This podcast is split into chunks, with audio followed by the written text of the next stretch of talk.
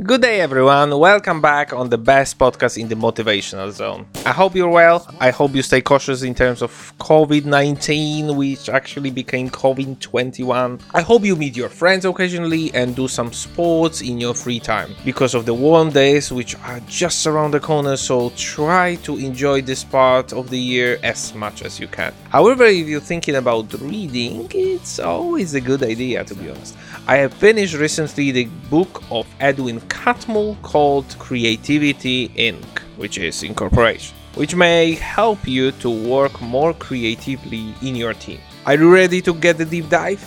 Okay, so let's put the intro and get started. Motivational book.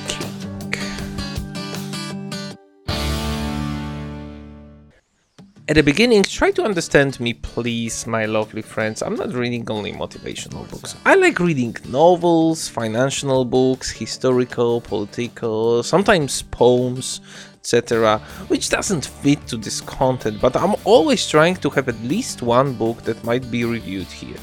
As it's a really interesting subject to me, I'm scanning the market regularly to have the interesting positions at least on my watch list. I don't know if you have the same, but there are some books on my shelves that I'm not so thrilled to open, and the others which are which I'm so thrilled to read. Creativity Inc. is one of these positions that stayed longer under the dust unfortunately. There's not many of the books I bought. I'm not keen to read, as my selection of titles is pretty detailed, but this Buzz idea in the shadow on the cover of this book wasn't something that really caught my eye. But yeah, finally I decided to try, so let's discuss what I think about this position.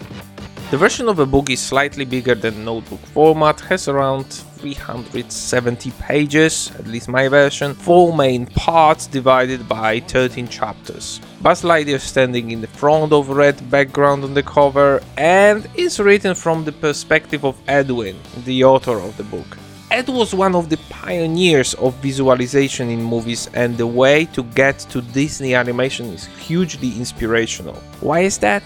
Mostly because his job probably differs hugely from our daily work. The animation puts more pressure onto creative thinking. So, just give you the comparison, leaders of the project need to know how to tell the story, for example, or how to organize it uh, to keep us concentrated or touched, or how to coordinate a team of individuals, creative individuals, to deliver the movie on time.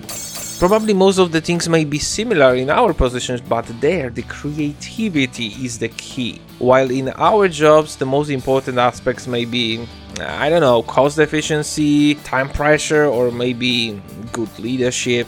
This is then the story of how to boost a creativity of the team. As mentioned before, the book is structured as Ed's memoir, so I will take a risk to say it's partially his biography. There's plenty of events from his life that honestly makes this position really vibrant and helps to imagine the routines in big studio. However, that's not the main torrent of a book. The key feature is to provide us with the way the creative studio works and how they deal with certain situations that may occur. Therefore, you may see the real life examples of actions that the leaders need to take in order to deliver the best possible outcomes. So sometimes it goes well, sometimes worse, as usual in life. But how to overcome the obstacles, or how to boost the creativity, or maybe how to motivate the others is definitely the main clue. You may find it in this book. Can I use this knowledge in my workplace or my personal life? Hey guys, I'm not giving you any positions that don't have any positives towards your life. So the knowledge might be applied when the problems come out, when you need to think quickly, or help you to learn what kind of people you should hire, or help to create an open team free to talk, which is extremely important actually in every workplace. That's not all, guys. There's plenty of other good examples you can take from this book. So, in this case, it's a great source of knowledge for managers. Of course, the biggest implication will be probably for studios, graphic studios, designs, maybe marketings, etc. But in our workplace, there's definitely the room for improvement also in terms of creativity. So is it nice and light read? Ah, Unfortunately, it wasn't for me. Don't get me wrong, the position has still interesting parts and history of Ed and studio was involving, but sometimes it was a bit hard to go through some pages. When I was thinking that the problem maybe was rollout a bit too much. I thought that some of the parts are added to bump up the number of pages. Maybe it's just my lack of experience in Creative Studio and that didn't help in having a flow, but most of us don't so which might be the issue. But it's not like that all the time, maybe it's just my impression, so it shouldn't stop you to give them a try. The more and more common thing in books I've noticed, maybe those that I picked, is the summary at the end that condenses all of the important aspects that readers should remember. This book has the same, so if you bought it and you struggle, go there and this is definitely must read. If you won't open this book at all please at least open this summary. Serious. It's not long. A couple of pages in bullet points so don't be too lazy maybe this might help you to come back to the reading. Maybe something will intrigues you to come back. So definitely you need to get there and the additional tip for you. It's the first time i've used that so take it as yours. But maybe you can treat me as a big lame of reading. But what I did last time, I was just marking the most important parts of the book by sticky notes. Before I used to just read or mark in pencil, which is useless, but seems like sticky notes make more sense as it shows directly where to search for the interesting excerpt.